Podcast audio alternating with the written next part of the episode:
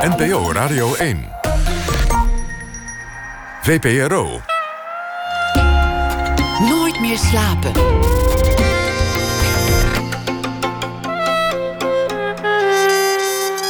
Met Elvie Tromp. Welkom bij Nooit meer slapen. Straks na half twee zenden we de eerste aflevering uit van de podcastserie Sir, waarin Marjolein van Heemstra op zoek gaat naar hoe het kan dat zij en haar oude geschiedenisleraar Ronald Seurissen van dezelfde jaren op dezelfde middelbare school een compleet ander verhaal maakten. En komend uur zit tegenover mij dus, uh, nou ja, iets uh, over half tweeën, Bianca van der Schoot. Maar voordat het zover is, beginnen we met een gedicht. Een gedicht ter ere van Remco Kampert. De dichter en schrijver is deze zomer 89 jaar geworden. En deze week verschijnt zijn biografie, Een knipperend ogenblik. Opgetekend door Mirjam van Hengel. En ter ere daarvan hebben wij dus vijf dichters gevraagd om een gedicht voor Remco Kampert te schrijven. Hij heeft er zelf natuurlijk een hoop prachtige gemaakt. Um, maar nu ter inspiraties, odes aan hem. En deze week hebben wij, of vannacht sluiten we die reeks af met Ellie de Waard.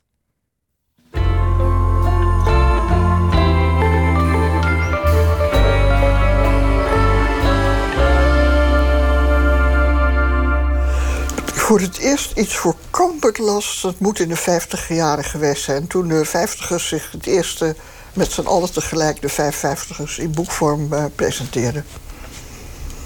Ik vond dat. Uh, het was van de, van de 50ers eigenlijk de meest losse en toegankelijke poëzie.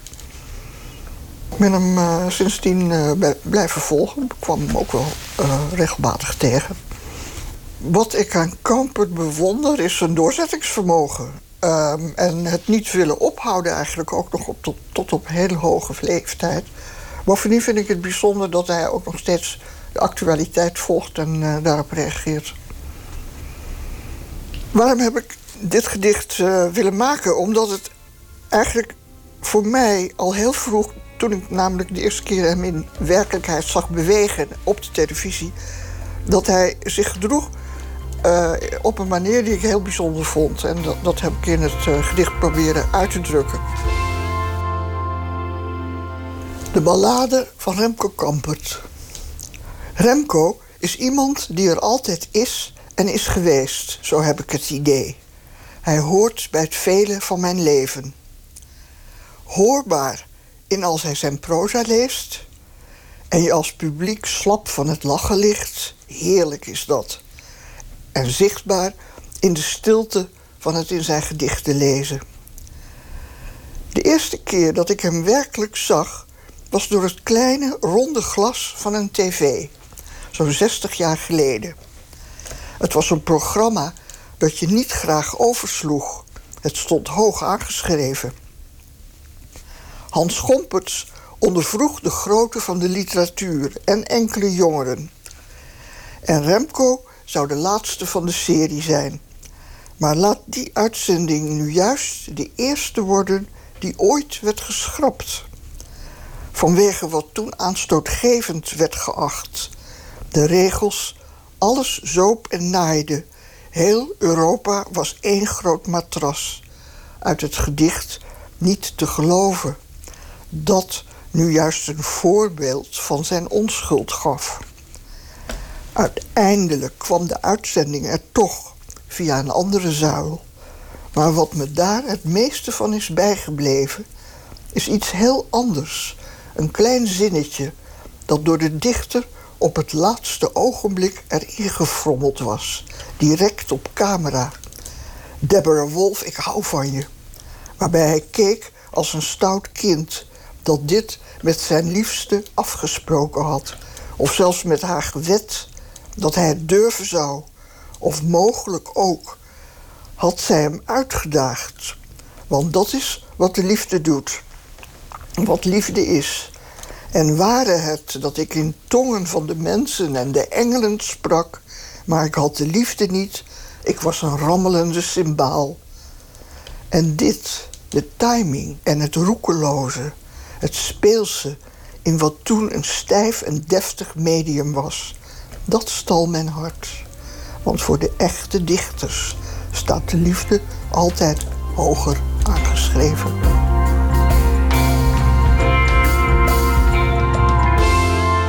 En u hoorde dichter Ellie de Waard met de ode die zij schreef in opdracht van Nooit meer slapen voor Remco Kampert. En u kunt alle dichters terugluisteren op vpro.nl slash nooit meer slapen.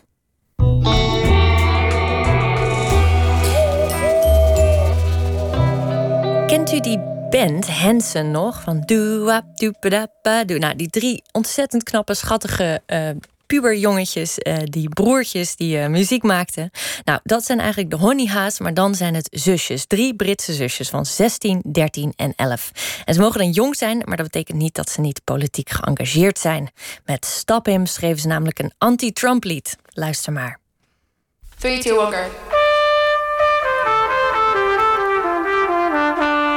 We don't have no time to talk. We don't have no time to chat. We're not interested in you. We have better things to do. Cause you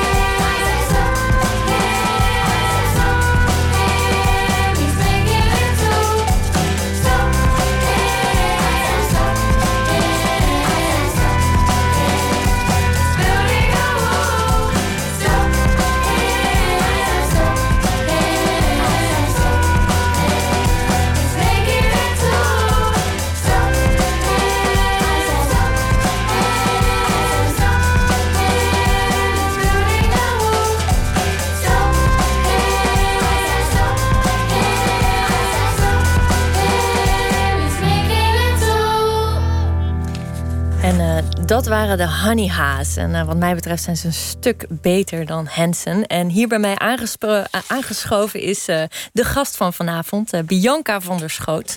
Onder de naam Bogaert van der Schoot maakte ze als memespeler en regisseur sinds 2000 voorstellingen die opzien baren en alom worden geprezen. En verwacht geen makkelijk hapslik wegtheater als je haar werk bezoekt, maar stukken die je, nou ja, kan ik uit eigen ervaring zeggen, dagen, maanden of zelfs jaren later nog bijblijven over actuele thema's als de spektakelmaatschappij en de dwingende beeldcultuur beeldcultuur waar we mee omringd worden. In 2014 wonnen ze de VSCD Memeprijs voor de voorstelling Hideous Women. En ze zijn sinds vorig jaar een van de vier kernmakers van Theater Rotterdam. Maar ook als actrice wordt Bianca veel gevraagd. Ze was jarenlang verbonden aan Oostpol en werd genomineerd voor de Theodor voor haar rol in de voorstelling Boiling Frog. En nu wordt Bogaert van der Schoot ook in het buitenland opgemerkt. Zo maakten ze de voorstelling bij de prestigieuze Volksbühne in Berlijn. Voor de Roertriennale en stonden ze vorig jaar in Venetië bij de Biennale Teatro. En momenteel spelen ze de voorstelling Headroom, die inmiddels ook genomineerd is voor die VSCD Memeprijs van 2018. En nog te zien is tot en met oktober. Bianca, welkom. Ja, Het was, even, het was even haasten. Je kwam eh, uit, een, eh, uit een project uit Rotterdam. ja, Iets wat je in een week hebt gemaakt. ja. Hoe was dat? Ja, ik ben er nog, zijn nog een beetje van te stuiteren. Ehm, ja, het is, uiteindelijk ging het heel goed, maar het is natuurlijk eh, normaal als je theater maakt, of de meeste theatermakers zijn toch wel zes weken bezig met eh, repeteren. En meestal weet je een jaar van tevoren wat je gaat maken. En is er, zijn er al publiciteitsteksten en is je hele team al eh, ge- gevonden. En wij, Suzanne en ik, werken ook vaak met dezelfde soort of dezelfde mensen. We hebben altijd een componist waar we vaak mee werken en een, decorontwerper. En het idee van dit project was ehm, dat je uit een soort ballenbak allemaal eh, ingrediënten trok. Een, een genre. We hadden het genre fantasy getrokken. Een Rotterdamse componist, een Rotterdamse schrijver, een dichter. We hadden Vaandrager en we hadden als componist eh, Arthur Sauer. En, eh, en met al die ingrediënten, en we hadden Codarts, dat is een muziektheateropleiding in Rotterdam. En met al die ingrediënten ging je dan in een week een, eh, een theatervoorstelling maken. En eh, dat hebben we vanavond laten zien aan betalend publiek. Dus ik vond wel wat het, dat het wat moest zijn. Werd er nog het geld teruggevraagd? Of Nee, tevreden voor wat ze kregen? Dus gingen er vol voor. We hadden een soort spel gemaakt. Wij noemen het zelfs de hele tijd. Het lijkt wel of we Talent en in de lucht aan het regisseren zijn. Maar uiteindelijk, ja, eh, ik ben er heel blij mee. Omdat we fantasy hadden getrokken, ehm, dachten we. Ik wist eigenlijk niet precies wat dat genre inhoudt. Dus ging ik op Wikipedia kijken.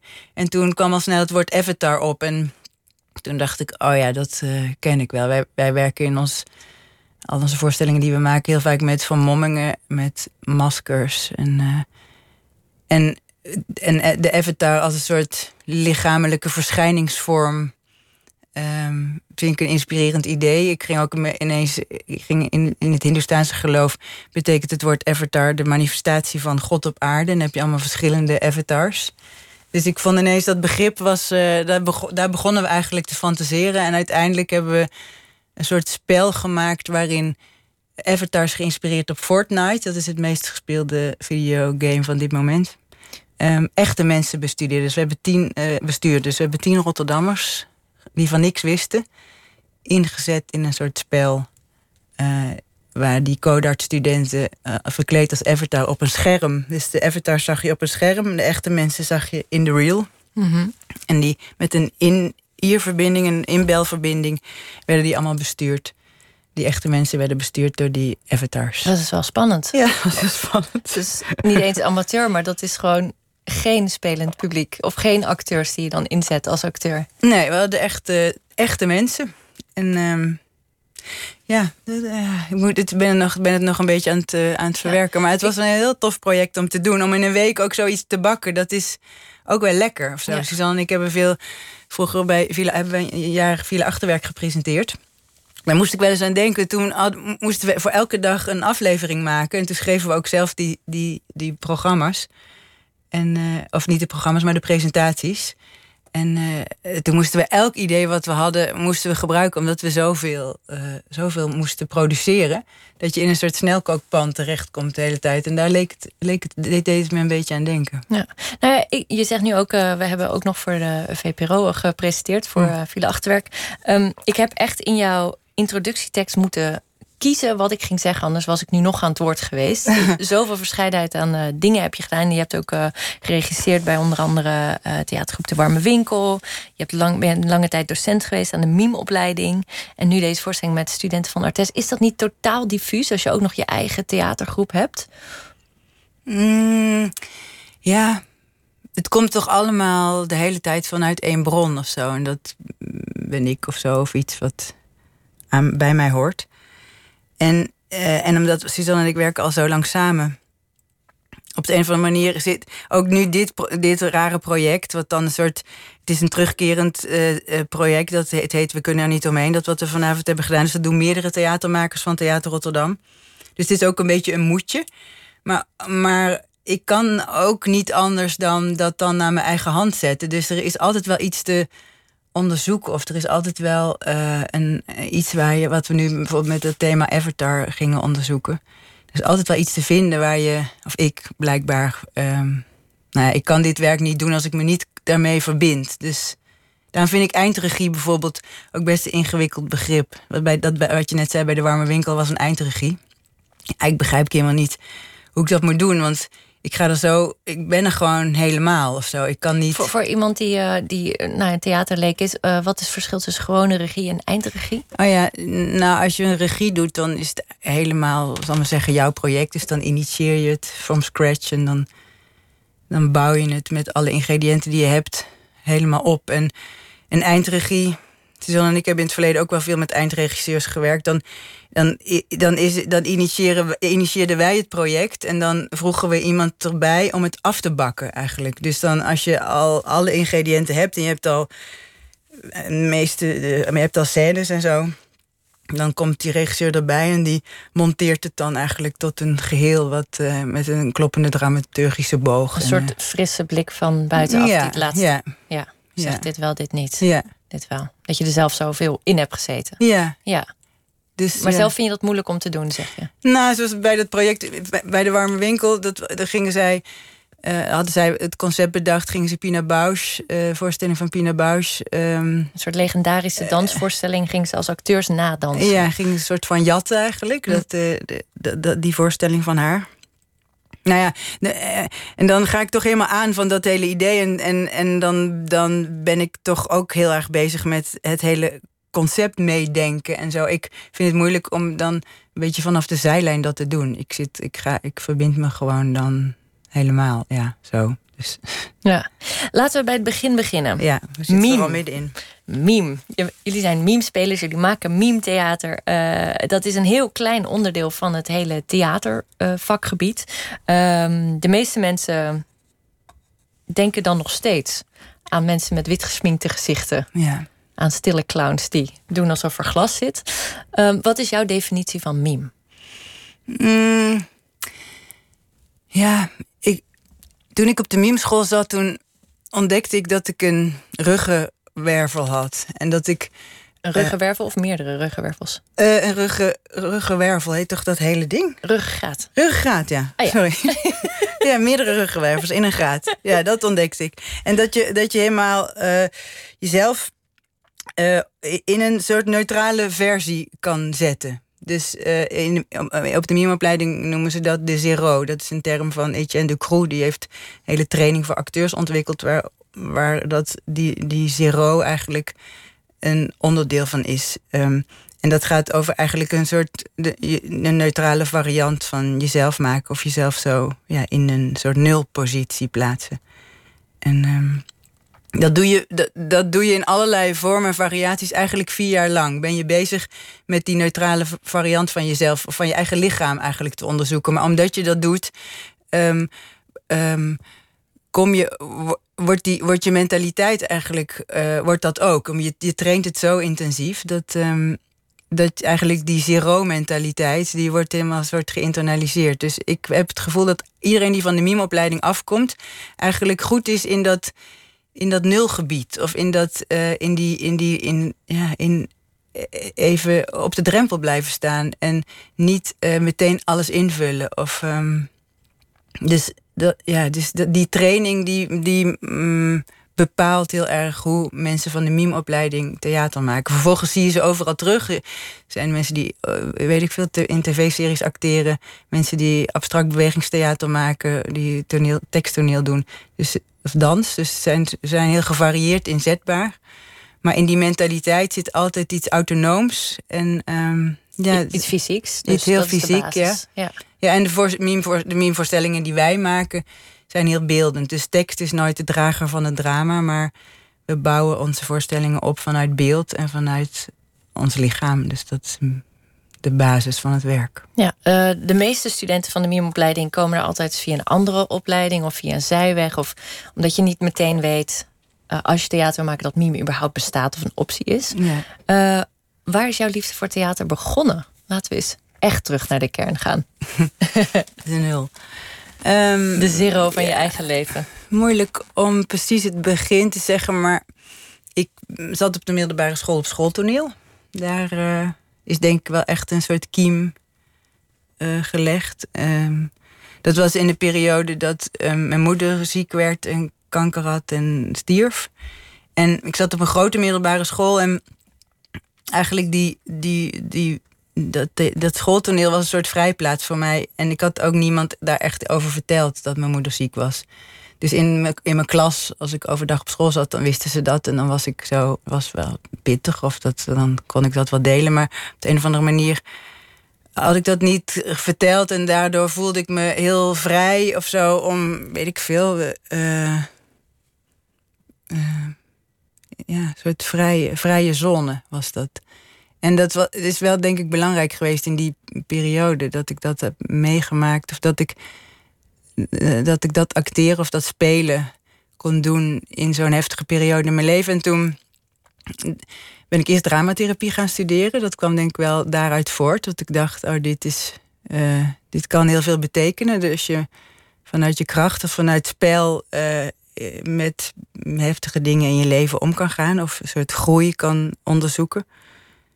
En ehm, Je hebt ook nog een tijd gewerkt hè, als eh, eh, dramatherapeut. Nee, stage gelopen. Oh, oké. Nee, een jaar ja, op zo'n ehm, school voor meervoudig gehandicapte kinderen. Ja. En eh, ja, ik had, had dus al een opleiding gedaan. Dus namelijk, ik was ook afgestudeerd als dramatherapeut. En toen ehm, dacht ik, ga nog één jaartje een beetje aan mijn eigen spel werken. Of nog een beetje freewheelen. En dan ga ik als dramatherapeut werken. En toen wist ik van iemand van de mime-opleiding. En toen ging ik de auditie doen. Maar ook een beetje dat ik dacht, dat is leuk. Dan doe ik zo twee weekenden workshops. En, dan, eh, en, en toen werd ik aangenomen.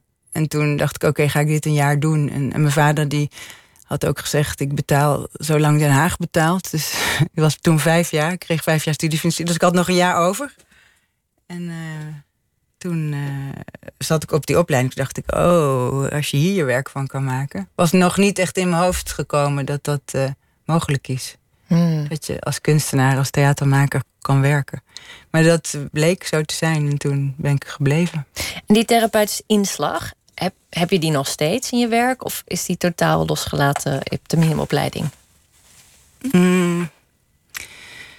Ja, het, zal me, het heeft me natuurlijk heel erg gevormd. En ehm, ja, vind ik. Nee, ik eh, weet ik niet zo goed. Ik ben niet echt bezig met ehm, dat ik door theater de wereld wil veranderen of zo, of mensen beter wil maken of zo. Maar ik geloof wel dat het een bijzondere plek is waar we onszelf kunnen oefenen in mens zijn of zo. Dus ik, ik heb niet de illusie dat het beter wordt, maar het is wel eh, een leuke eh, oefenruimte, het theater. En dat zijn, oefenen in mensen zijn, is dat dan voor het publiek of voor de mensen die op het podium staan? Voor de acteurs? Ehm, voor het publiek. Ja, en, en voor de acteurs soms, maar dat vind ik dan minder belangrijk. Hoe, hoe werkt zo'n oefening dan? Dat ik dan zeg maar het klassieke natuurlijke tragedie-idee van Aristoteles uit de Griekse tragedie was dat als ik iets zie gebeuren op het podium, hoef ik het zelf niet meer te doen in mijn eigen leven eigenlijk. Eh, dan ervaar ik het via de acteur. Bedoel je dat? Ja, dat het is, oefenen in mensen. dat is mooi gezegd, ja. Ja, ehm, het kan natuurlijk op heel veel verschillende soorten manieren. Dat je ehm, het feit dat we verhalen op allerlei verschillende manieren verhalen kunnen vertellen in het theater, dat is een, vind ik, een eh, troostende gedachte. Voor de voorstelling die we nu net gemaakt hebben, eh, waar we nu mee op tournee gaan, die heet Headroom. Daar ehm, eh, hebben we, heb ik ook wel veel Joseph Campbell gelezen. En hij zegt, hij heeft eigenlijk een soort een boek geschreven over de hero's journey. En eh, hij, heeft zo, hij zegt het heel mooi. Hij zegt: we, we don't have to face the adventure alone because the heroes of all times have gone before us. Dus hij beschrijft eigenlijk een, een soort oerverhaal, wat in alle verhalen van de hele mensheid eh, verborgen ligt. Of soort de blauwdruk van alle verhalen. En zo, dus in alle mythes, van de Indianen tot Oosterse mythes, tot de Westerse verhalen, zit allemaal datzelfde, diezelfde opbouw eigenlijk. En eh, dat is de hero's journey. En het gaat dan over. Je, je krijgt een call waaruit je, waarin je uit je dagelijks leven wordt weggeroepen. En dan ga je die adventure in. En, dan, en uiteindelijk neem je een boon mee of iets wat je uit die, uit die, uit die nieuwe gevaarlijke wereld mee naar je, terug naar je oude wereld. En dan plant je de boon en dan komt daar weer een Mooie boom uit. mooie boom uit. Dus dat, dat zeg maar, en dat in allerlei varianten. En dat, dat we dat in het theater, dat het theater een plek is waar we dat kunnen delen. Live. ehm, met een groep mensen ehm, een tijdje onze aandacht richten op iets. Dat vind ik wel een, eh, ja, dat vind ik echt bijzonder aan theater. Suzanne en ik maken ook wel... De meeste voorstellingen leunen ook wel tegen performance art of beeldende kunst aan. En we hebben ook wel eens gedacht, moeten we niet in een museum... of is, het, is theater nog de plek voor ons? Maar we komen daar toch altijd ook weer bij terug... omdat het dat heeft dat te maken met dat delen van aandacht en tijd doorbrengen samen. En ehm, ja, ik denk dat dat zo'n krachtig spul is. En dat je in, die samen, in dat samen zijn iets van die oerverhalen kan aanraken, dat vind ik een hele troostende gedachte. Die, eh, nou ja, dat Ja. vind ik fijn dat ik daarmee bezig mag zijn. Je zegt ook, het, eh, het theater is, heeft ook eh, veel weg van beeldende kunst. Nu heb je vorig jaar dus in Venetië op de Biennale, de kunstbiennale, gespeeld. Ja. Tussen de beeldende kunst. Is Ja. de voorstelling daardoor ook veranderd? Je werk, wordt het dan ook eh, beeldender? Nou, ehm, ja, de, die biennale, dat, daar, die theaterbiennale is een onderdeel van de Beeldende Kunstbiennale. En wat heel bijzonder was, dat we midden op de arsenalen staan. In Venetië heb je dan twee, zeg maar, festivalterreinen. Het ene heet de, de Giardini en de andere de arsenalen. En wij deden ook een workshop daar met mensen, jonge mm, theatermensen van over de hele wereld. Dus dat vond ik heel tof dat we daar midden tussen al die kunst stonden. En met die studenten hebben we het ook heel veel over beeldende kunst gehad. En we hadden ook een beeldend kunstenaar toen als uitgangspunt eh, genomen. Lilo Zano. En, die workshop ging erover. Dus in die zin werd dat, be- beïnvloedde dat ons werk op dat moment heel erg. Maar de voorstellingen hadden we al gemaakt, dus die veranderden niet. Nee. Oké, nou, ik, ben, ik wil er heel graag meer over horen. Straks gaan we het hebben over jullie nieuwe voorstelling Headroom. Maar we moeten er heel even uit voor het nieuws.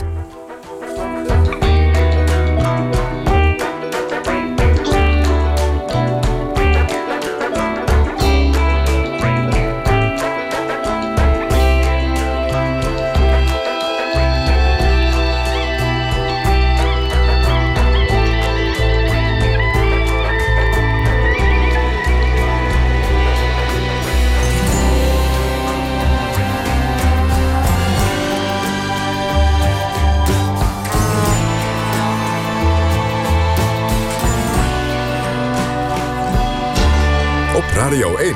Het nieuws van alle kanten.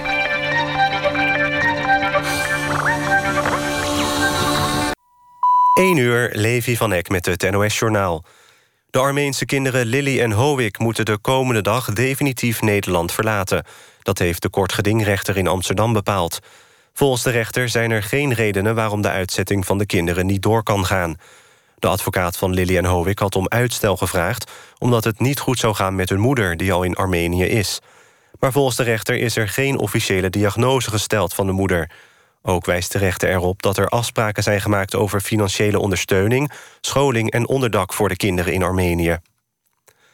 Voormalig adviseur van Donald Trump, George Papadopoulos... is veroordeeld tot 14 dagen cel. Hij loog tegen FBI-agenten die onderzoek deden... naar Russische inmenging in de Amerikaanse verkiezingen. Papadopoulos was tijdens de verkiezingscampagne in 2016... buitenlandadviseur van Trump. Hij had via tussenpersonen contact met de Russen. Die beloofden hem belastende e-mails over Trumps rivaal Hillary Clinton. Toen hij daarover werd ondervraagd door de FBI, loog hij hierover. De Amerikaanse rapper Mac Miller is op 26-jarige leeftijd overleden. Volgens entertainment-site TMZ zou hij zijn overleden aan een overdosis drugs. Miller was ook bekend als de ex-vriend van zangeres Ariana Grande. Na de aanslag in Manchester vorig jaar traden ze samen op... bij het benefietconcert ter nagedachtenis aan de slachtoffers. Vorig jaar speelde Mac Miller nog op een festival in Tilburg. De politie heeft een man uit Roemenië opgepakt... die de container vervoerde... waarin afgelopen avond 18 migranten werden gevonden. Het kostte de politie aanvankelijk enige moeite... om die container in de Waalhaven in Rotterdam op te sporen. Mensen die erin zaten hadden om hulp gevraagd... omdat een van hen onwel was geworden. Die is naar het ziekenhuis gebracht. De 18 mensen van in de 20 zijn migranten uit Afrika. Ze zijn overgedragen aan de vreemdelingenpolitie. Het weer in de loop van de nacht neemt het aantal buien weer af. Overdag is het in het zuiden droog met ruimte voor de zon. In het noorden kunnen enkele buien vallen. Het wordt 17 tot 20 graden. Dit was het NOS Journaal. NPO Radio 1. VPRO. Nooit meer slapen.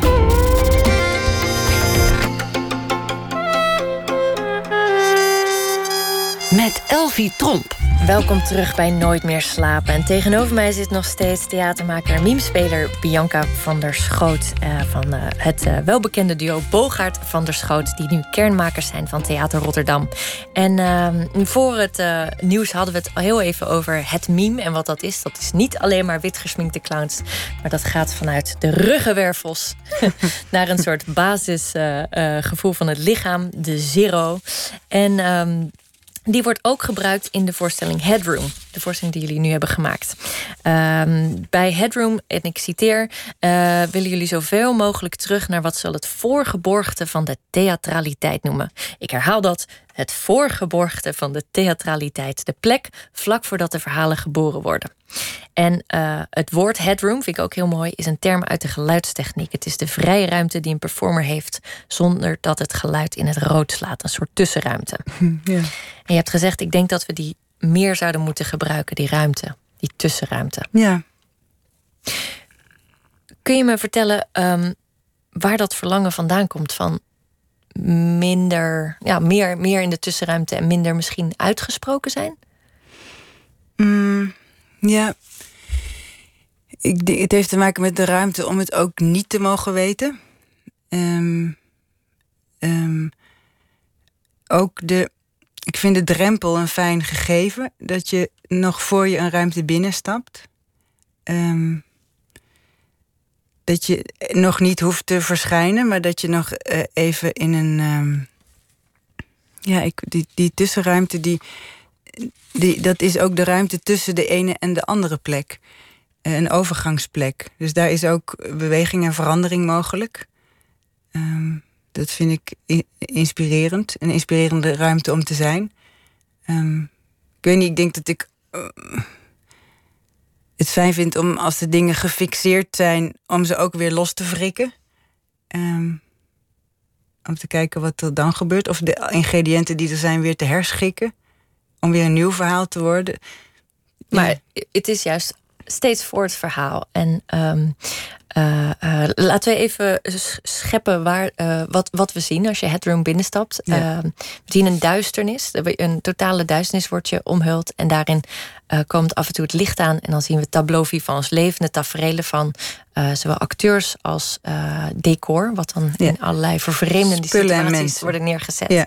En eh, ehm, het werd gepresenteerd op de operadagen. Maar het is geen opera in de klassieke zin. Nee. Maar we luisteren wel de hele tijd naar muziek of geluid. En er is een speciaal voor deze voorstelling... heeft Wessel Schrik een compositie gemaakt... die eigenlijk misschien wel in drie delen te beluisteren is. We beginnen met een ouverture. En ehm, dat is een stuk wat hij heeft gecomponeerd... geïnspireerd op Indonesische gamelan-muziek.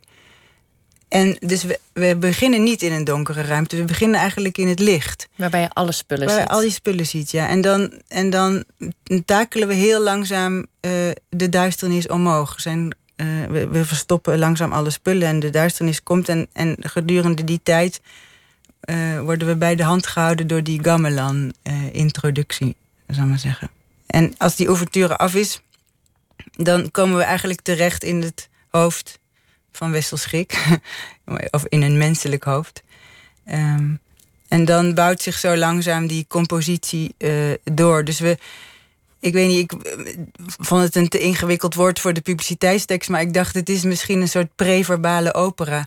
Dus het is een nog voor het woord er is, of nog voor de, eh, het verhaal geboren is. Dus nog voor. ehm, ja, wat, wat gebeurt er als je een wasrekje ziet en, da- en daarbij een rode emmer? En, en als je daar een tijdje naar kijkt en in het volgende beeld staat er ineens een man bij. Wanneer begin je met het maken van een verhaal? En ehm, Nou, dat vind ik heel Hoe lang kan interessant je dat uitstellen? Zegt, dat preverbale, want ik heb nu een neefje van één jaar... en alle spullen zijn voor hem gewoon avontuur. En de klanken die hij maakt zijn ook zeer preverbaal. Eh, maar worden wel toch deel van een verhaal. Eh, inderdaad, een wasrek komt meerdere keren terug... maar niet in de zin dat ze er was op hangen. Maar het, eh, het heeft allerlei functies in de voorstelling... die mijn neefje ook ik zou kunnen ontdekken. Dat ze denkt, oh, ik kan hier ook op liggen... of ik kan er ook een soort trap van maken. Het is een bijna ja, scheppingsverhaal ja. van een kinderlijke... ja, we plakken natuurlijk in ons hoofd zo snel alles aan elkaar. Mm. Dus het gaat. eh, het gaat razendsnel. Als je een geluid hoort, dan om echt alleen maar naar dat geluid te luisteren zonder eh, het ding voor je te zien wat dat geluid maakt, dat is heel moeilijk. Dus om alles weer een beetje los te maken en alle, alle eh, waarnemingen eigenlijk onafhankelijk van elkaar waar te nemen, zonder dat dat meteen vast is geplakt tot een verhaal en vervolgens dus ook aan een herinnering. Dus je gaat meteen ook, je plakt het ook meteen aan het verhaal van je leven. En het oefenen om al, dat allemaal steeds een beetje, om daar een beetje ruimte in te maken. Dat eh, ja, vind, vond ik bij Headroom en vind ik eigenlijk altijd eh, een inspirerende eh, poging. Ehm, ademhaling wordt ook gebruikt als een soort ritmiek of als een soort Ja. Geluidsbegeleiding. en dat gaf het voor mij ook iets meditatiefs. Er zijn natuurlijk ook talloze ademtechnieken om bijvoorbeeld rustiger te worden of juist in een staat van trance te, worden, te raken. Ja, En dat gebeurt ook in de voorstellingen. Je hoort eerst iemand een beetje voorzichtig smakken en ademen. ja. En op een gegeven moment wordt het een heel agressief, bijna grommend, snuivend ademen, Ja. ronkend ademen. Ja, wat ik zelf bijzonder vind, want ik heb hem geregisseerd, dus ik heb er veel voor gezeten. Inmiddels speel ik er ook zelf in, maar ik heb hem dus eigenlijk van buiten gemaakt. Ik vond het zo prettig ehm, dat, je, dat door die geluiden samen met z'n allen in één hoofd terechtkomen of zo. Dus dat we die, die headroom eh, samen delen. Dat vond ik eh, altijd als ik de voorstellingen zag met andere mensen erbij een fijne, fijne ervaring. En ja, en dat ehm, in dat donker een beetje zo naar binnen gaan, dat is eigenlijk ehm, in het vooronderzoek. ehm, heb ik een boek gelezen van Peter Kingsley. En hij beschrijft op een hele mooie manier eigenlijk waar de, onze westerse samenleving eh, is, is begonnen. Waar we de logica hebben eh, gevonden. En hij ze- beschrijft dat mensen als eh, Parmenides, Parmenides, ik heb het in het Engels gelezen, eh, of eh, Pythagoras, ehm, eh, eigenlijk eh, een soort eh, oefeningen deden of in een, uit een praktijk kwamen van een soort eh, incubatie. En dat betekende dat ze in een donkere ruimte langere, langere tijd in slaap waren. Eigenlijk een soort ubermeditatie die eh, in, in het donker in een, in een slaap gebeurde. Dus langere tijdje afzonderen in dat donker. En dat ze daar ehm, verhalen hebben opgehaald of een droom hebben gekregen. En er zijn eh, geschriften, gedichten eigenlijk van die, die eh, Die Peter Kingsley analyseert eigenlijk dat hele gedicht... wat al, al duizenden keren door allerlei wetenschappers is geïnterpreteerd... Wat, wat die woorden nou precies betekenen. Maar hij herkent daar eigenlijk eh, eenzelfde soort informatie in... als die in shamanistische rituelen bij indianen ook worden doorgegeven... of, of in het oosten. Dus dat eigenlijk weer wat die, waar we het net ook over hadden... Jo- Joseph Campbell die dat ook zegt. Er is eigenlijk één verhaal. Of er is dus misschien wel een plek waar de verhalen van de mensen geboren worden. En dat is misschien wel een plek waar we allemaal contact mee maken... waar we ook op de wereld zijn. Of in welke tijd we ook leven. En ehm, nou ja, dat we dus vanuit die praktijk van incubatie... dus ons terugtrekken in een donkere tussenruimte... of een, in het niets... dat dat eigenlijk een, het gevulde niets of zo... dus dat dat een plek is waar alles is... als we er voor openstaan. En die... ehm, ja, dat vind ik een betoverende gedachte... die me regelmatig op de been houdt. Ja. ja. Het is eigenlijk een soort opgelegde meditatie die je het publiek geeft. ja, misschien. Ja. Nou, jullie, jullie vorige voorstellingen waren vaak eh, aanklachten tegen bijvoorbeeld de spektakelmaatschappij of de bimboficering van de vrouw. Wat we allemaal, hoe er allemaal uit zouden moeten zien. Ja. Ehm, Ja. dit is wat bedachtzamer. Of zo komt het ja, over. dit is misschien meer een proposal, ja, voorstel. Ik weet niet, we hebben toen we, we die, die voorstellingen die jij beschrijft komen uit een serie die we noemden Visual Statements. Mm. En die, ja, we begonnen nooit eigenlijk echt met het idee om een aanklacht te doen, maar mm, op de manier waarop wij werken, we kunnen zo heel ijzeren heinig in één ding gaan en werken veel met herhaling. En ja, we hebben dan, we beginnen altijd met een verwarring of een vraag en die gaan we dan helemaal uitpluizen en dan ontstaat er een vorm die iets over de inhoud van, wat, van, die, van die verwarring eh verbeeldt. Of eigenlijk, we, maken eigenlijk, we proberen altijd een soort ervaring te maken. Dus dat je iets niet doorkrijgt via taal of tekst of het cerebrale. Maar dat je doordat je langere tijd in een soort staat van zijn komt als publiek, dat je eigenlijk de inhoud eerder meemaakt dan eh, hoofdelijk begrijpt. Ehm, en toen we die visual statements aan het maken waren, ehm, dachten we op een gegeven moment ook maar, misschien moeten we ook eens een voorstel durven doen. Dus toen hebben we een voorstelling gemaakt, die noemden we spectaculaire voorstelling. En daarin ehm, die hebben we buiten gemaakt, bouwden we een tribune waar eh 200, me- nee, zaten er 200 mensen op een tribune en tegenover die tribune werd een identieke tribune gebouwd.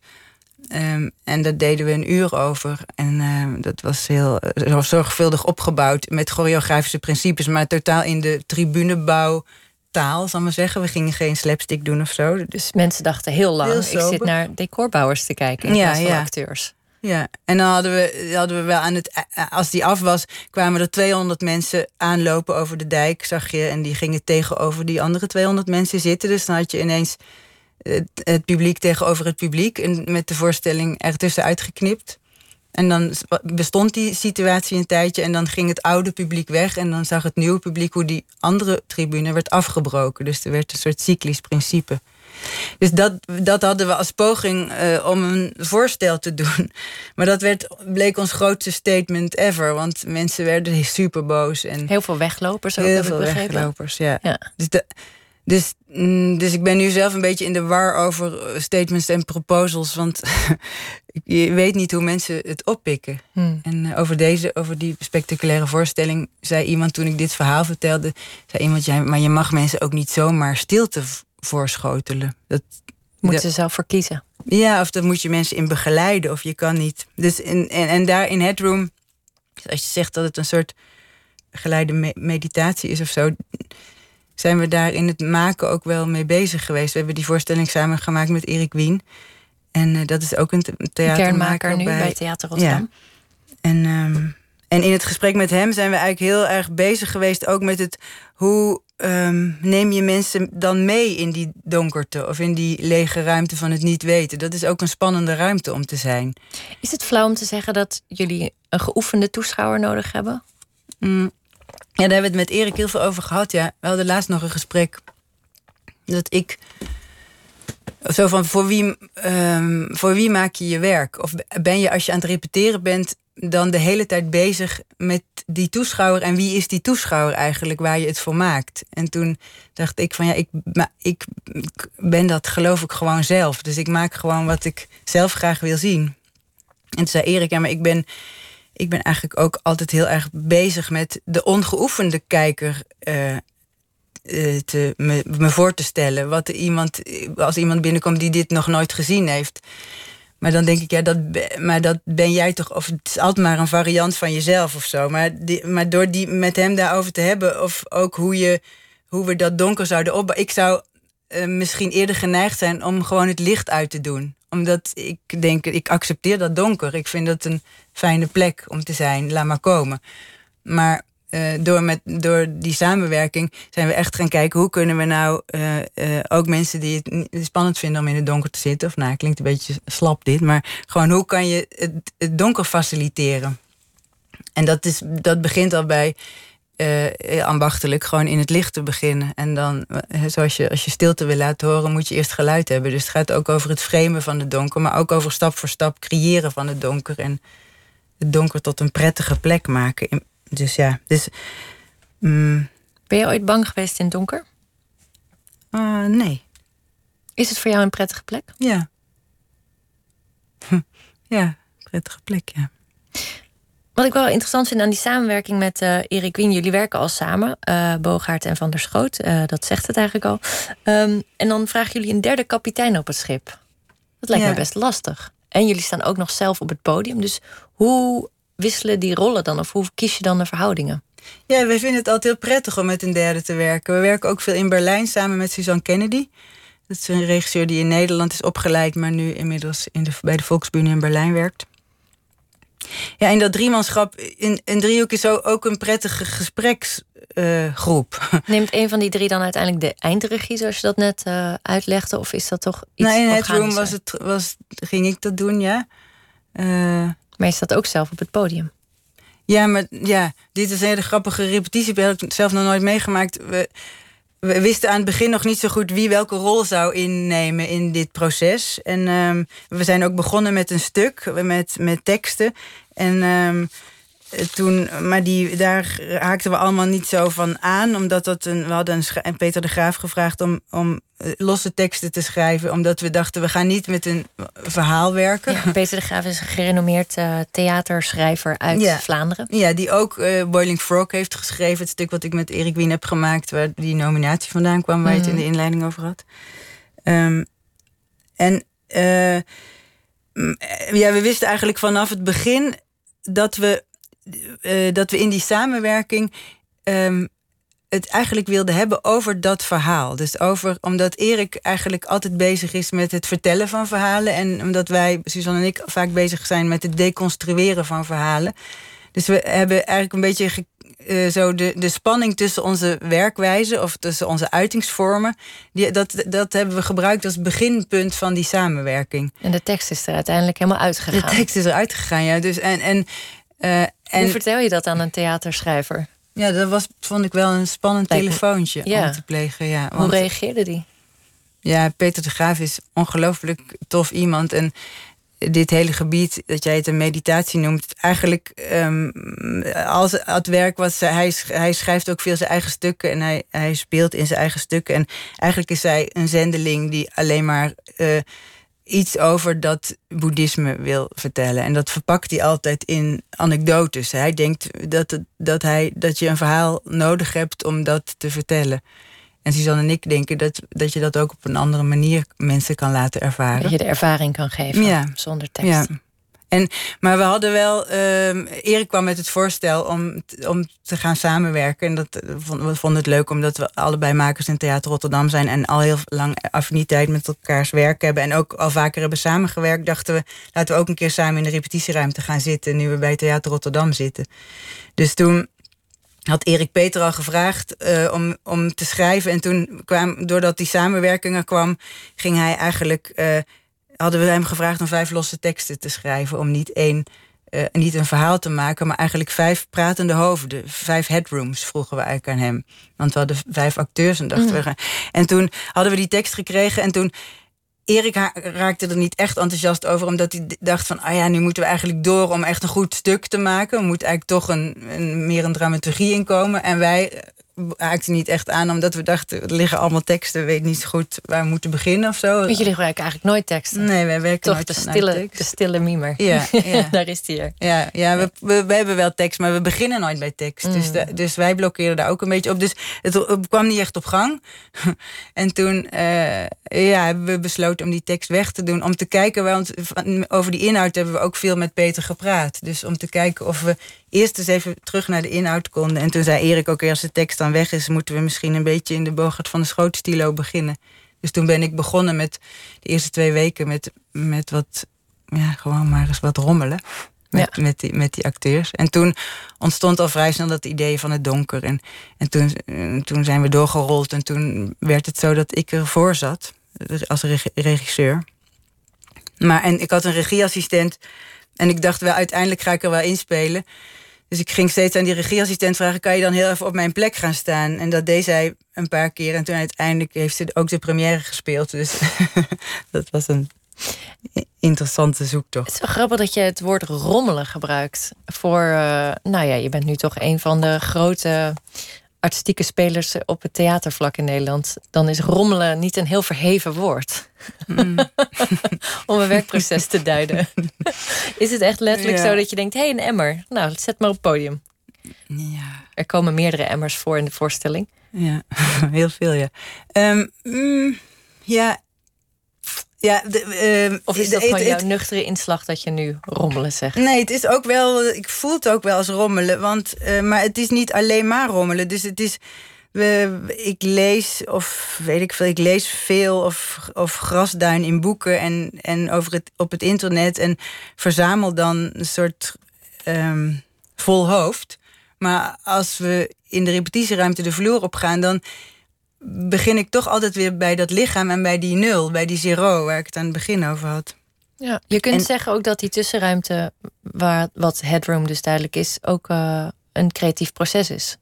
Ja. Voordat je begint met iets te maken. Ja, en daar is rommelen, vind ik rommelen, we kunnen het ook anders noemen, maar wel een belangrijk woord, want dat gaat ook over in dat gebied van het niet weten terechtkomen. En, en dan kan je geen stelling nemen, of dan kan je niet eh, een rode emmer neerzetten en zeker weten dat dat perfect is. Dus dan rommel je een beetje en dan zet je een rode emmer neer en dan loop je daar zo omheen en dan, en ja, dan eh, uiteindelijk verbind je dat weer met, of ik, met die inhoud die ik dan al wel, eh, al wel ergens had zitten, maar ook weer even had losgelaten. Dus het is ook een proces van weer in dat niet weten gaan en dan weer terug naar de kennis of verder met of dat weer combineren met dat nieuwe wat je hebt gevonden. Ja, er, is, eh, er zijn meerdere elementen natuurlijk die eh, eh, het ook een typische Bogaert van der Schoot voorstelling maken. En een daarvan is de doodenge, doorzichtige latex maskers ja.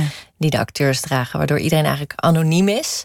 Een soort rare verwrongen glans krijgt. Een beetje Silence of the Lambs, maar dan een soort high-tech Silence of the Lambs noem ik het. Zo zien ze eruit. Ehm, eerst zie je het niet. Eerst denk je, wat is er mis met je hoofd? En dan zie je pas dat ze maskers dragen. Ehm, waarom komen die maskers steeds terug? Ja. Wat vind je daar zo fijn aan? Ja. Ja, dat heeft toch ook met die tussenruimte te maken. Ja, a- je maakt heeft- de acteur anoniem. ja, we geven toch ook een soort eh, witje tussen de acteur en de, en de, en de toeschouwer. Ehm, het is ook, een masker is ook een projectiescherm. Ik heb zelf vaak als ik naar acteurs kijk dat ik zo veel informatie krijg. Als iemand opkomt en zegt ik ben Hamlet, dan, eh, dan gaat er al, is er al zoveel gebeurd. Dan heb ik al dat lichaam gezien, die ruimte. Wat is die ruimte? Wie is die ik? Wie is dan die Hamlet? Dus er is, dat is al, eh dat vind ik altijd al zoveel informatie. En daar komt denk ik ook wat je aan het begin zei, je ook iets over dat voorgeborgte van de, het voorgeborgte van theatraliteit. Dus de, al die aannames die in een, in een toneelstuk worden opgegooid, ik vind het altijd lekker om die nog even uit te stellen en nog even. Is- En een masker geeft daar een soort. ze heeft- geeft daar ruimte voor. Is Ja. het ook een soort aanklacht tegen de, eh, de acteurs-ego-industrie? Eh, ik bedoel, heel veel theatergroepen drijven juist bij de grote namen die bij hun spelen. De Tjitske Reidinga's theatergroep Amsterdam ga je naartoe om de Pierre Bokma te zien of de Halina Rijn. Maar ik zou werkelijk waar niet weten welke acteurs bij jullie spelen. Terwijl het zijn vaak dezelfde. Sanne den Hartog en Joep van der Geest zitten er ook in. Ehm, ja, nee, geen aanklacht hoor. Want eh, nee, maar ik weet niet, ik ben wel bezig met wat theater nu is. En ehm, ehm, de inhoud die, waar ik mee bezig ben, gaat toch ook wel over wie wij als mensen nu zijn. eh, en wat wij hier zitten te doen. En of het nog een goed idee is dat we onszelf zo centraal maken. En eh, of er niet een tijd aan zit te komen waar we als mens uit het midden moeten stappen van de wereld. En de natuur of de technologie ook ruimte geven en meer coexisteren met alles wat er is, in plaats van zelf zo eh, eh, centraal staan. En als je op zo'n manier eh, over de wereld nadenkt, dan ben ik ook wel benieuwd wat voor soort theater daarbij hoort. En of we dan ook de acteur nog zo steeds. wat dan de rol van die performer is. En ehm, nou ja, een soort decentralisatie van de mens is misschien ook een. Ja, dat, dat heeft misschien consequenties voor de figuren die we in, op het toneel zien. Maar hallo, er zeggen nogal decentralisatie van de mensen. Hoe doe je dat zelf in je dagelijks leven? Hoe zet je Ja, koffie als je, de, als, je de, als je de mens decentraal stelt? Ehm, Bijvoorbeeld. Ja, ik ben zelf eh, wel bezig met ehm, te pro- opnieuw te proberen eh, met de natuur te contact te maken. nee, ik weet niet. Ik, vind dat ik voel me zo soms zo afgesneden, bijvoorbeeld van dat hele onderdeel van onze wereld, ehm, dat ik maar een eh, ayahuasca eh, ceremonie ben gaan doen. Dus zo Oh, doe ik dat bijvoorbeeld. Was het een tegenvaller of was het mooi? nee, het van- het was fantastisch. Komen daar nog beelden van op het toneel te zien? Ja, vast wel. Ja, dat kan me wel Zo'n indruk gemaakt. Ja. maar daar was ik, heb ik mezelf heel erg gedecentraliseerd tijdens die ceremonie. Waanzinnig, ja. Ja. Dat kan me goed voorstellen. Ehm, ja, wij zijn eigenlijk alweer bijna aan het einde van het gesprek, helaas. Ik had nog veel meer willen weten over deze ayahuasca-trick... maar eh, ik hoop hem dus eh, meer in het theater te zien. Ehm, Headroom is de komende twee maanden nog te zien. En eh, jullie zijn de komende vier jaar verbonden aan Theater Rotterdam. Ja. Kun je heel kort een tipje van de sluier oplichten... wat jullie daar willen gaan maken, wat jullie daar willen gaan doen? Zijn jullie eigenlijk nu eh, ook verhuisd naar Rotterdammers? Beschouw je jezelf een beetje als Rotterdams? Nou, nee, nog niet verhuisd, nee. Maar ik vind Rotterdam echt eh, een hele fijne stad, ja. Eh, misschien ga ik er wel eens wonen. Ja, maar eerst even werken nog. Oké. Ehm, ja, we zijn, Suzanne en ik zijn bezig met een nieuwe serie die heet Future Fossils. En die gaat denk ik wel een beetje over waar ik het net over had. Ehm, zo van waar, waar gaan we dan heen als mens als we niet meer in het midden staan? En hoe kunnen we, eh, ja, hoe kunnen we dat? Kunnen we samen leven of coexisteren met, eh, met, met de natuur en met de technologie? En eh, zijn er andere vormen te bedenken waarop wij ons op deze wereld manifesteren? Zo iets. Nou, als u een ayahuasca-trip niet zo ziet zitten... dan raad ik u aan om een voorstelling van Bogaert en Van der Schoot te zien in de toekomst. En Headroom speelt nu in de theaters. Dankjewel. Nooit meer slapen. En wij gaan door met onze podcast Sir. Over twee mensen die van dezelfde jaren op dezelfde middelbare school een compleet ander verhaal maakten. Ook een Rotterdams verhaal trouwens. Het verhaal van een linkse schrijver en een rechtse politicus. Een sprookje en een veldslag. Het verhaal van schrijver Marjolein van Heemstra en haar oude geschiedenisleraar Ronald Seurensen. Of zoals hij in de klas genoemd werd, Sir. En in het tweede deel van Sir brengt Marjolein de belangrijkste les van Ronald Seurensen dus in praktijk. Ze bezoekt hem bij hem thuis in Rotterdam om erachter te komen hoe het kan zijn dat in dezelfde jaren op dezelfde school, die van haar een, nou ja, wat hij eh, smalend een goed mens noemt, ehm, maakte, eh, hij een populist werd.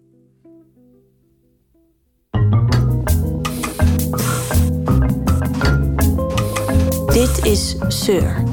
Een podcast over twee mensen die van dezelfde jaren op dezelfde middelbare school een compleet ander verhaal maakten. Het verhaal van een linkse schrijver en een rechtse politicus. Een sprookje en een veldslag. Mijn verhaal en het verhaal van mijn oude geschiedenisleraar Ronald Seurensen. Of zoals wij hem in de klas noemden, Seur. In de jaren 90 had ik les van Seur op de Wolfert van Borselen, een zwarte school in Rotterdam. Ik herinner me hem als een genuanceerde, ruimdenkende docent. En ik was verbijsterd toen hij vlak na mijn eindexamen de populistische partij Leefbaar Rotterdam oprichtte en een paar jaar later voor de PVV in de Eerste Kamer zat. Ik ben Marjolein van Heemstra en ik heb ooit van Seur geleerd in zijn geschiedenisles dat je altijd andermans uitzicht moet bekijken om de hele werkelijkheid te zien. Maar zelf lijkt hij de gordijnen te hebben gesloten. In deze aflevering breng ik die oude les van hem in praktijk. Ik wil nou eindelijk wel eens weten hoe het kan dat dezelfde jaren op dezelfde school van mij een goed mens maakte en van Seur een populist.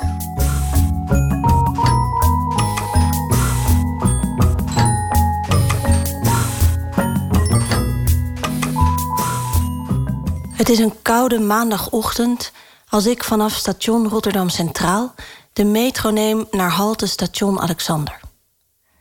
Zoals altijd het gevoel dat ik terug de tijd instap als ik door de Rotterdamse tunnels zoef. Zo zat ik vroeger in de metro van huis naar school en weer terug. Ik stap uit. Een glad perron.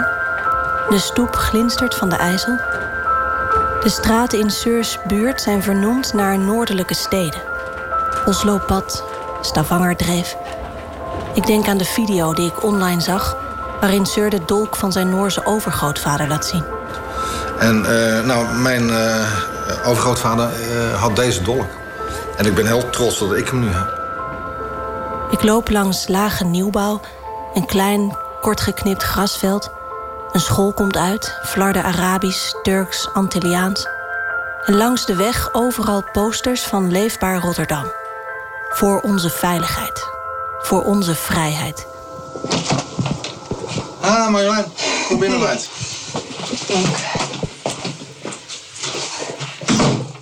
Als Sur de deur opendoet, ben ik zenuwachtig ineens. Of misschien niet zenuwachtig, maar emotioneel. Een beetje te. Ik begrijp het zelf ook niet zo goed. Ik heb plotseling het gevoel dat er van alles op het spel staat tijdens deze ontmoeting. Ik begin meteen te ratelen. Ik weet ook niet zo goed hoe dat opnameapparaat werkt. Ik zal je vertellen, het is de eerste keer dat ik met dit ding opneem. Oh. Dus ik vind het best wel spannend. Moet, moet, moet je even... Ik draai aan allemaal knopjes. En je hoort misschien dat deze opname niet helemaal denderend is. We gaan aan tafel zitten. Sir voelt zich onthand, zegt hij, omdat Nel er niet is. Nel, dat is zijn vrouw, die tijdens ons vorige bezoek... toen ik hier met Hanina was, als een geruststellende aanwezigheid in de keuken stond. Maar nu is Nel bij een van hun zoons... en Sir moet het dus zelf zien te rooien met zijn koekjes en de thee op tafel... en dit opgefokte bezoek tegenover hem... dat meteen met de deur in huis valt. We hebben eigenlijk op dezelfde school gezeten, feitelijk. Alleen jij was docent, ik was leerling. En we zijn dus, ehm, ik denk dat we gevormd zijn misschien door diezelfde ervaring... maar dat we daar a- allebei iets anders mee gedaan hebben. En ik ben zo benieuwd, ehm, ik wil zo graag jouw eh, kant van dat verhaal. Omdat we denk ik allebei vanaf een andere kant naar datzelfde eh, ding kijken. Ja, ja. Nou, ik denk dat dat, dat klinkt heel... eh, ja, moet ik zeggen, vervelend misschien. Maar dat is inderdaad een kwestie van leeftijd. Want toen ik jouw leeftijd had, had ik dat idealisme ook. Zo eenvoudig is het. Dus Het eerste antwoord. Het meest voor de hand liggende antwoord ook. Een kwestie van leeftijd. Sir was ook idealistisch toen hij jong was, zegt hij. Maar je wordt ouder, je maakt dingen mee. Het leven ontdoet je van de idealen. Oh, nou, die school die werd eh, langzaam zeker donker. Hè? Ik, vond, ik vond het hartstikke leuk. Ik vond het ook een verrijking. En ik blijf erbij dat de multiculturele samenleving ook sommige dingen ontzettend verrijkt heeft. Maar langzaam maar zeker zag ik die segregatie ontstaan. Ondanks het feit dat wij graag wilden verbinden, ik ook als docent, eh, was het met name de samenleving waar de kinderen vandaan kwamen die dat tegen ging werken. En eh, dat heeft mij toen erg teleurgesteld. En eh, toen ik daar wat aan ging doen, toen merkte ik toch ineens dat ik een hele slechte man was. Ja. En het, eh, het is niet anders. Dat moet er maar. Maar ik heb echt altijd... En hier begint Sir's versie van het verhaal. Over alle leerlingen die hij zag verdwijnen in de kloof tussen school en thuis. Of, zoals hij het ziet, tussen Nederland en de islam. Ik maak een keer mee dat er een jongetje uit tweede HAVO... die moet terug naar Turkije. En wij zeiden, ja, dat kan niet zomaar. Nou, toen komt die vader met een tolk. En het kwam erop neer dat die man die zei... ja, mijn zoon gaat maar naar eh, Turkije terug... want hier is die opvoeding is allemaal hartstikke slecht. Hij vertelt over gespleten families. Eh, twee meisjes. En Aysen zat in de vierde. Toen zei ik tegen Aysen... ik zei, nou, je, bent, je zus geslaagd, leuk. hè? Je komt zeker bij de diploma-uitreiking, zie ik je nog wel. Ze zegt, ik ben er niet bij. Dus die had de diploma gehaald. Toen was ze getrouwd. En vanaf dat moment hoorde ze bij een andere familie. Nou ja. En toen Aysen twee, twee jaar later haar diploma krijgt... toen was haar zus er wel bij. Ja. Met twee kinderen. Ja. Hij vertelt over jonge meisjes die werden uitgehuwelijkt. Komt er een meisje van een jaar of 15, die zei meneer, is de laatste dag op school. Is de laatste dag op school, doe even gewoon, Marokkaans meisje. Nee, ik mag niet meer naar school van mijn man. Ik zeg, pardon? Zeg, je bent 15 jaar kind. Nee, ik ben in de Marokkaanse ambassade getrouwd. Ik zie allerlei onrecht. Meisjes die niet op vakantie durven. Ja, omdat ze bang zijn dat Die doodsbang zijn dat ze uitgehuwd worden. En dan wisten ze nog aan welke neef ook. Ja. Meisjes die niet mee mogen werkweek. Ja. En hoe de islam steeds verder het klaslokaal inkwam. Maar ik heb natuurlijk sowieso incidenten gehad eh, met, eh, met eh, uitleggen van de Shoah. Ja. En ik heb ook incidenten gehad met een, eh, ook zoiets belachelijks. Dat we eh, een imam op school kregen om ons uit te leggen hoe we met... eh, ik heb jou helemaal niet nodig. Terwijl hij vertelt over al die probleemleerlingen, denk ik aan de hoofdrolspelers in mijn versie van de geschiedenis. De leerlingen van de Wolfert die ik nog op mijn netvlies heb staan. Vanmorgen heb ik speciaal voor deze ontmoeting eens een rondje gegoogeld om te kijken wat er terecht kwam van de Marokkaanse scholieren die ik me herinner van toen. Binnen een paar minuten had ik het volgende lijstje. Abderrahim, stadsimker in Rotterdam, zijn zusje afgestudeerd in geschiedenis, Fatima, manager bij een medicijnenfabrikant, Ahmed, verzekeringsagent, Wasima, personeelsadviseur bij het Erasmus Medisch Centrum, Mohammed, leraar op een basisschool. Fatiha, medisch laborant. Hanina, journalist. Said, lijsttrekker van D66 in Rotterdam. school gezeten. En je hebt ook kinderen gezien. Ik denk echt heel veel kinderen van Marokkaanse afkomst. Want dat is toch zeker voor jullie partij de grootste probleemgroep. Ehm, je hebt zoveel kinderen gezien die het echt goed deden. Die het heel, en, en je weet ook hoe die nu geraakt worden door wat er nu gebeurt. En dat het niet, het werkt niet. Het wordt niet beter door, dat, door die toon. Nee, het wordt niet beter. Het, het werd ook slechter door dat je helemaal niet zei. Dat het geaccepteerd werd. Dat Ja, maar ja, het wordt daar slechter, het wordt daar slechter. Maar dan moet er dus iets anders tot komen. hier, tot hier en niet verder. Hè? Dat is mijn opvatting. Mhm. Want dat- ik ben protestant-christelijk opgevoed. En eh, tot hier en niet verder. En eh, dat was voor mij op een gegeven moment was het, moment eh, tot hier en niet verder. Tot hier en niet verder. Die uitspraak komt vaker terug bij Seur. Ook als titel van een stuk dat ik laatst op zijn weblog las. Tot hier en niet verder. Over het minarettenverbod in Zwitserland, dat hij uiteraard toejuicht. En in dat stuk haalt hij een zin aan uit het beroemde gedicht van Rudyard Kipling, The Ballad of East and West. East is east and west is west. And never the twain shall meet. En dat is natuurlijk een stukje wat heel erg jouw gedachtegoed onderschrijft. En ik dacht meteen, maar wacht, dat gedicht heeft nog een zin die volgt. Ehm, dat is zo van, but there's neither east nor west. There's neither east nor west, border nor breed nor birth. When two strong men stand face to face, though they come from the ends of the earth. Dus eigenlijk in zijn tweede zin eh, zegt hij juist van... eh, eh, dat is waarschijnlijk wat ik op een weblog zou zetten. Want in die tweede zin zegt hij eigenlijk... het maakt niet uit waar mensen vandaan komen. Als ze tegenover elkaar staan en ze zijn aan elkaar gewaagd... of ze vinden iets in elkaar, dan doet afkomst er eigenlijk niet toe. Maar ik vroeg me zo af, van, heb, heb je nou... ehm, want je gebruikt die zin dan. Kende je dat hele gedicht? Of Nee. dacht je van, oké, Maar dan had ik toch nog die zin gebruikt. Hoor. ja, ja, ja. Je kan, mag best af en toe een zin gebruiken. Ja. Als die uitkomt. Maar nu weet je het. Voor mij is dat citaat van Kipling een losgeknipte zin die nergens op rijmt. Een halve strofe. Maar voor Sir is het een hele waarheid. Oost kan beter uit het westen blijven. Jij, jij voelt dat echt als een bedreiging. Ja. En voel je Sir doet zijn werk uit roeping, zegt hij. Om Nederland wakker te schudden. En ook om de islamitische leerlingen die het wel goed deden op de Wolver te helpen, zegt hij. Want volgens hem lijden zij onder het slechte imago van kwaadwillende geloofsgenoten. Maar je helpt ze niet. Dat spin jij. En ik vind van wel. Ik weet dat het niet zo is. Ik Zachte het heelmeesters maken stinkende wonden. Dan moet je niet te veel naar die kranten luisteren. Nee, nee, ik luister naar hen. Ik heb met ze gepraat. Ik heb Ja, ze ik- gevraagd. Ik toch ook. Wat denk je van een Turks meisje, een advocaat ondertussen, die tegen me zegt: Meneer, moest weten wat ze over u zegt. Ik zeg, Dat spreek jij dan toch wel tegen? Ze zegt: Dat durf ik niet. Nee. Maar ik weet, de, de leerlingen die ik nu gesproken heb, die zeggen niet per se nare dingen, maar die voelen zich wel gekwetst. Ja, dat begrijp ik niet. De kat moet eruit. Seur staat op om de deur open te doen. Er is geen luikje. Ja, wij willen geen luikje, want het is zo slappeling. Dan krijgen we allemaal andere katten binnen. Oh ja. Ga.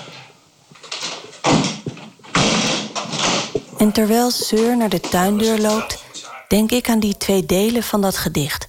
En hoe Kipling nu vooral beroemd is vanwege het tassenmerk dat naar hem vernoemd is. En aan de Kipling-tas die ik had op de Wolfert. Met een bungelend aapje aan een van de hengsels.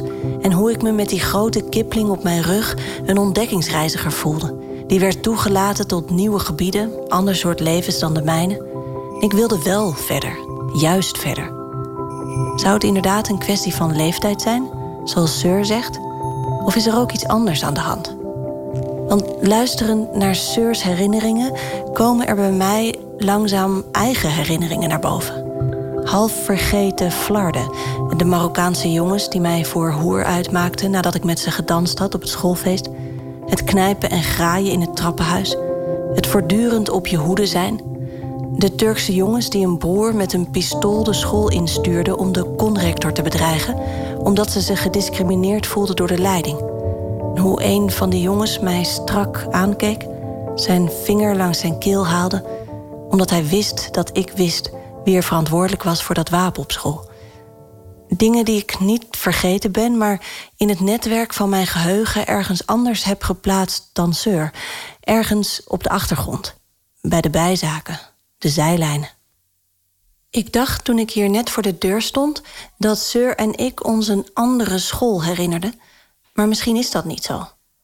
Hebben we alleen onze herinneringen verschillend gerangschikt. Ik las ooit dat we ons emotioneel beladen gebeurtenissen veel beter en langer herinneren dan de dingen waaraan weinig emotie gekoppeld zit. Een onderdeel van je hersenen plaatst als het ware een stempel op zo'n emotionele gebeurtenis. En de gestempelde herinneringen staan in ons levensverhaal centraal. Seur en ik hebben in die jaren op de Wolfert duidelijk andere stempels gezet. Alsof we met hetzelfde verhaal langs verschillende grensposten gingen. Wat voor hem beladen was en vooraan in zijn geheugen zit, ging ongestempeld aan mij voorbij en is weggezakt. En ook de kleur van onze stempels blijkt nogal verschillend. Mijn belangrijkste herinneringen zijn gekleurd door blijdschap, verliefdheid, hoop. Die van hem door teleurstelling en woede. Die woede lijkt ook de grootste drijfveer in Seur's politieke carrière. Het heeft hem ver gebracht. Als hij kwaad is, is Seur in mediaoptredens eigenlijk het meest geloofwaardig, op zijn best. Alsof hij dan pas echt in zijn kracht staat.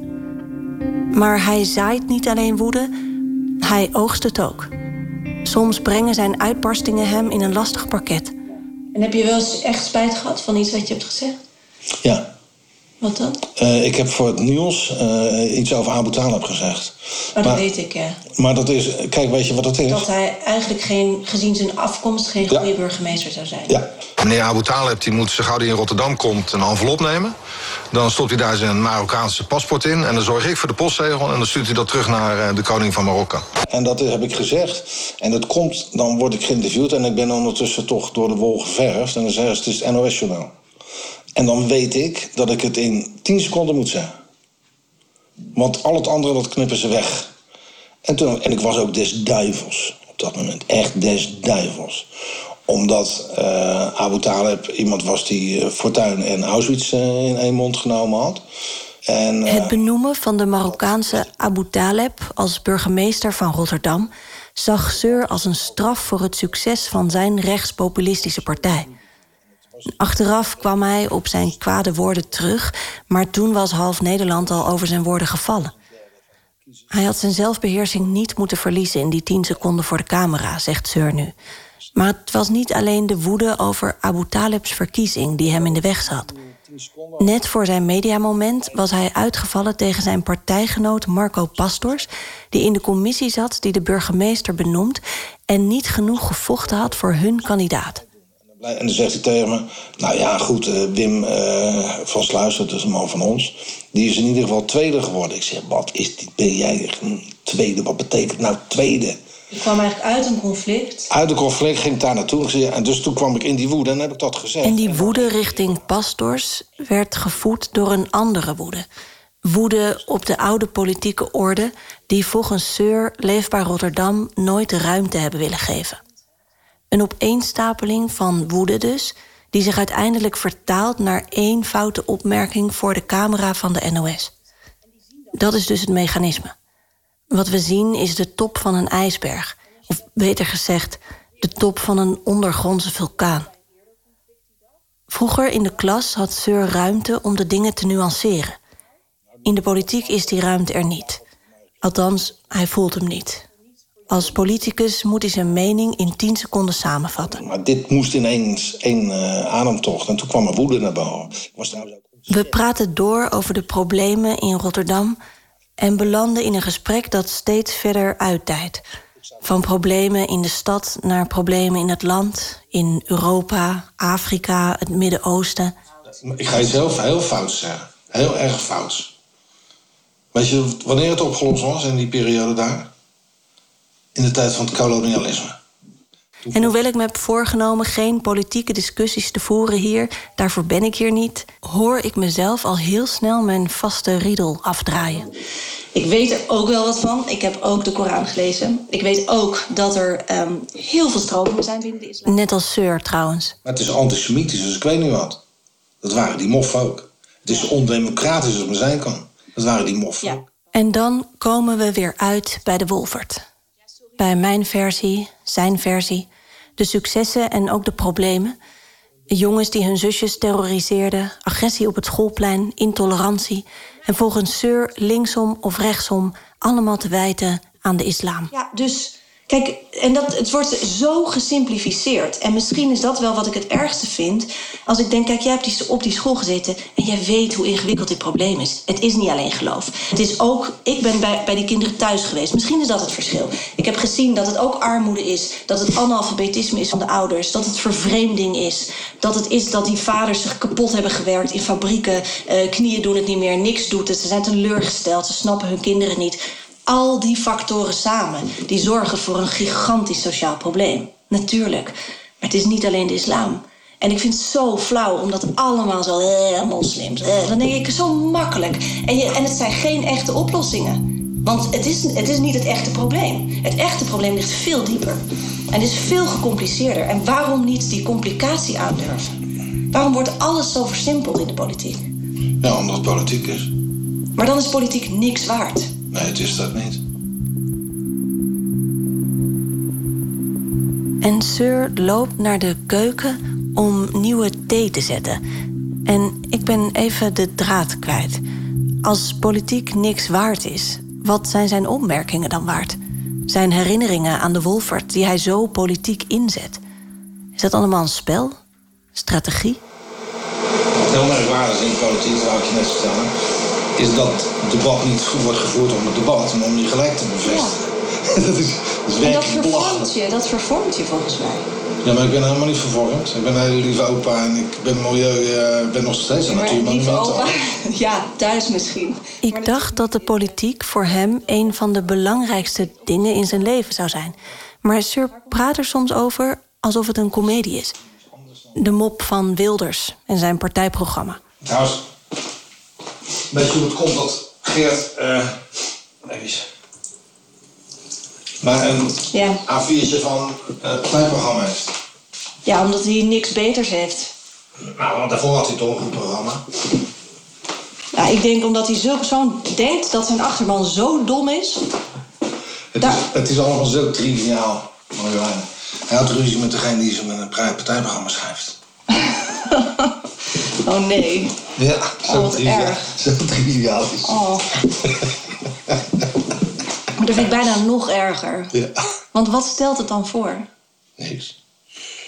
En toch krijgt hij stemmen. En ik kom in de verleiding om erin mee te gaan. Dit hele verhaal af te doen als iets triviaals. Wat er inderdaad eigenlijk niet echt toe doet. Mijn vragen los te laten en gewoon samen thee te drinken. Maar dan denk ik aan Hanina. Die mij vertelde hoeveel invloed rechtse politici op haar leven hebben. Met hun constante nadruk op de islam en Marokkanen. Hoe zij zich de afgelopen jaren steeds vaker onzichtbaar zou willen maken op straat. De politiek is niet triviaal. Het heeft echt effect op echte levens. Ehm, het valt mij dus op dat als jij over politiek praat, dat het soms lijkt alsof je het zelf niet helemaal serieus neemt. Bijna zo half clown, half politicus. Toch? Je zegt de dingen een beetje schertsend. Je, je, je, je eh, lijkt ook alsof je het niet echt uitmaakt. Ja, dat je zo links en rechts dingen zegt, zeg maar, zonder je te bekommeren om, om het effect eh, van je woorden. En, en dan, dan denk ik, is dat niet ook een hele veilige positie om vanuit te praten? Want daardoor kan ik nooit zeggen: hé, hey, maar wacht even, wat zeg je nu over moslims? Want je kan altijd zeggen: ja, dat is een grapje. Of snap je, het is een. Ja, soort- nee, ik begrijp het. Je Nee, verschuilt je een beetje. Ik ben, maar goed, dat is mijn hele levenshouding, hè, met alles. Mhm. Maar ik denk dat dat inderdaad toch te maken heeft met een levenswijsheid. Je moet jezelf ook niet al te serieus nemen, altijd. Maar weet je, dat is, eh, zelfkennis is de basis van alle kennis. Ik vind dat ook bijvoorbeeld bij Wilders een beetje het geval. Dat is altijd zo van, ja, als het dan serieus wordt en mensen voelen zich gekwetst, dan moeten ze zich ineens niet zo aanstellen. Terwijl ehm, hij wel hele harde, heftige dingen zegt. Maar hij zegt ze op zo'n manier dat het, ja, wat ik net zei, een beetje zo half clownerig. Ja. Ehm, waardoor je dus zo net de dans ontspringt of zo. En, en ik vind dat Baudet dat ook doet. Dat herken je dus Ja, vind je dat nou echt half clown? Ik vind dat gewoon relativerend. En, eh, zo, nou goed, dat is heel pedant. Zou het levenswijsheid kunnen zijn dat je niet altijd alles maar serieus neemt? Is het geen vluchtroute? Vraag ik aan Sir. Het openhouden van de mogelijkheid dat je het allemaal niet echt meent. Zodat je nooit de volle verantwoordelijkheid hoeft te nemen voor je uitspraken. Seur denkt even na en haalt dan zijn schouders op. Je mag nooit 100% zeker zijn van jezelf. Zeker niet als het kwesties van geloof of politiek. Maar dan zal ik het ongetwijfeld onbewust doen. Ik doe dat niet bewust. Het is mijn manier van optreden. Mijn manier van doen.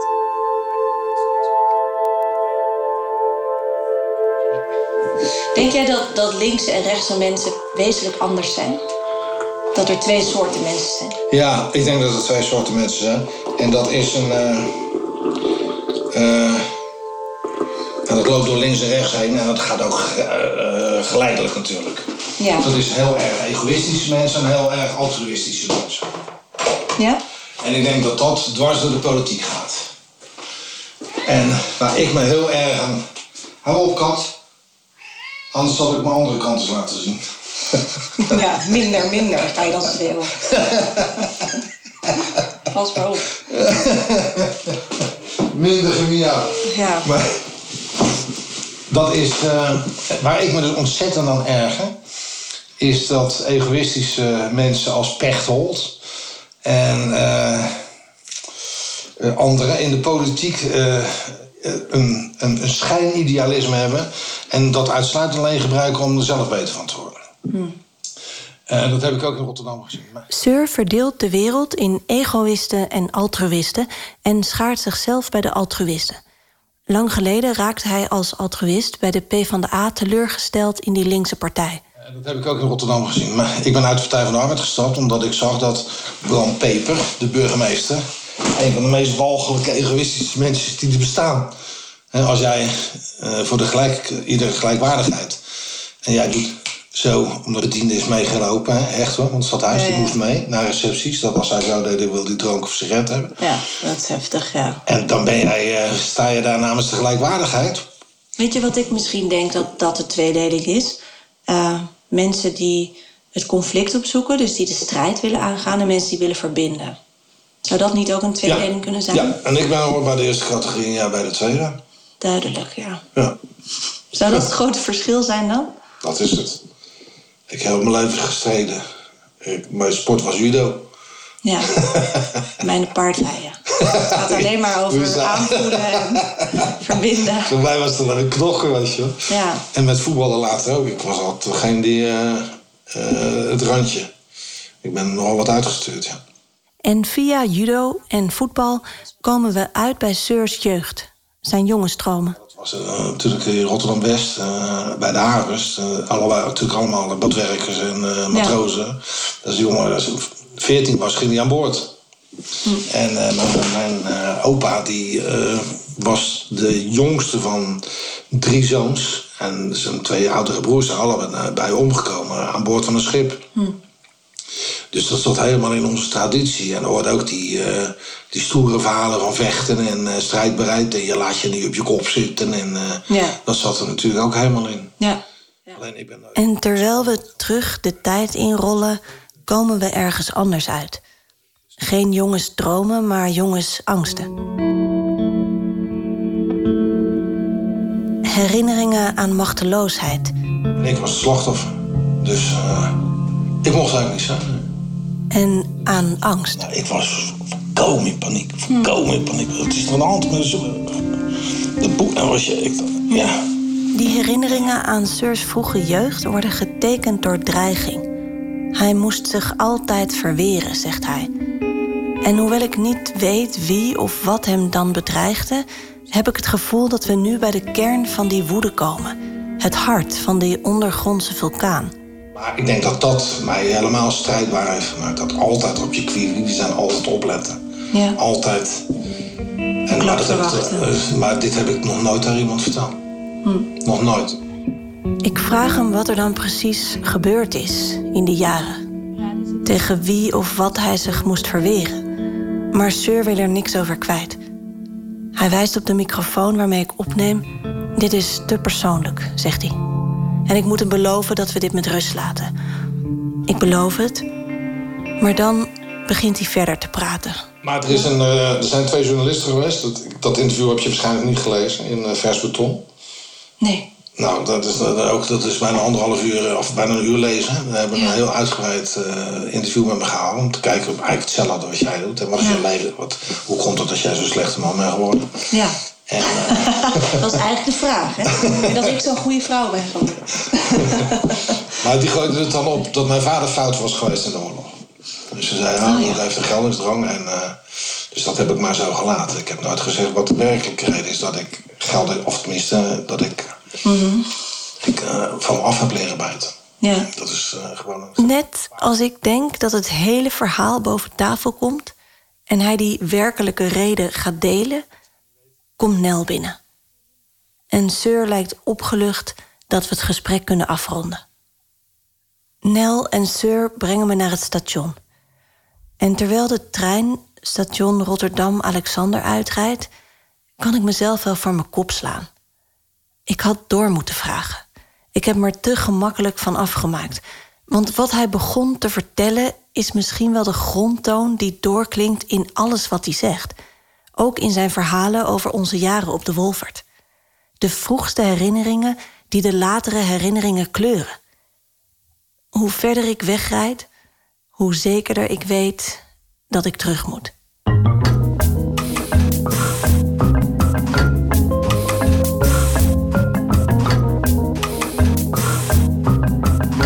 Dit verhaal werd gemaakt in samenwerking met uitgeverij Das Mag. Muziek is van Roald van Oosten. Met dank aan Hanina Adjarai, Mirke Kist en Ronald Seurissen.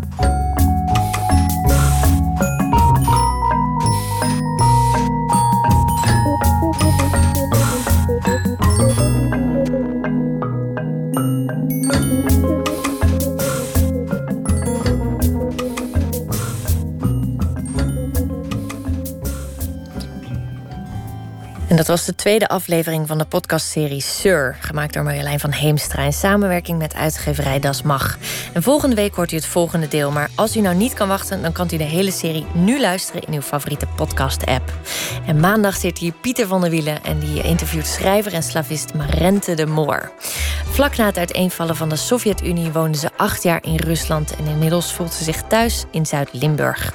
In 2007 debuteerde ze met de roman De Overtreder en drie jaar later volgde de met ACO Literatuurprijs bekroonde roman De Nederlandse Maagd en tal van andere prachtige boeken waar ze het over gaan hebben. Dat onder meer maandag. En straks kunt u luisteren naar de Nacht van de Radio van BNN Vara. Ik wens u goede nacht toe. Tot nooit meer slapen.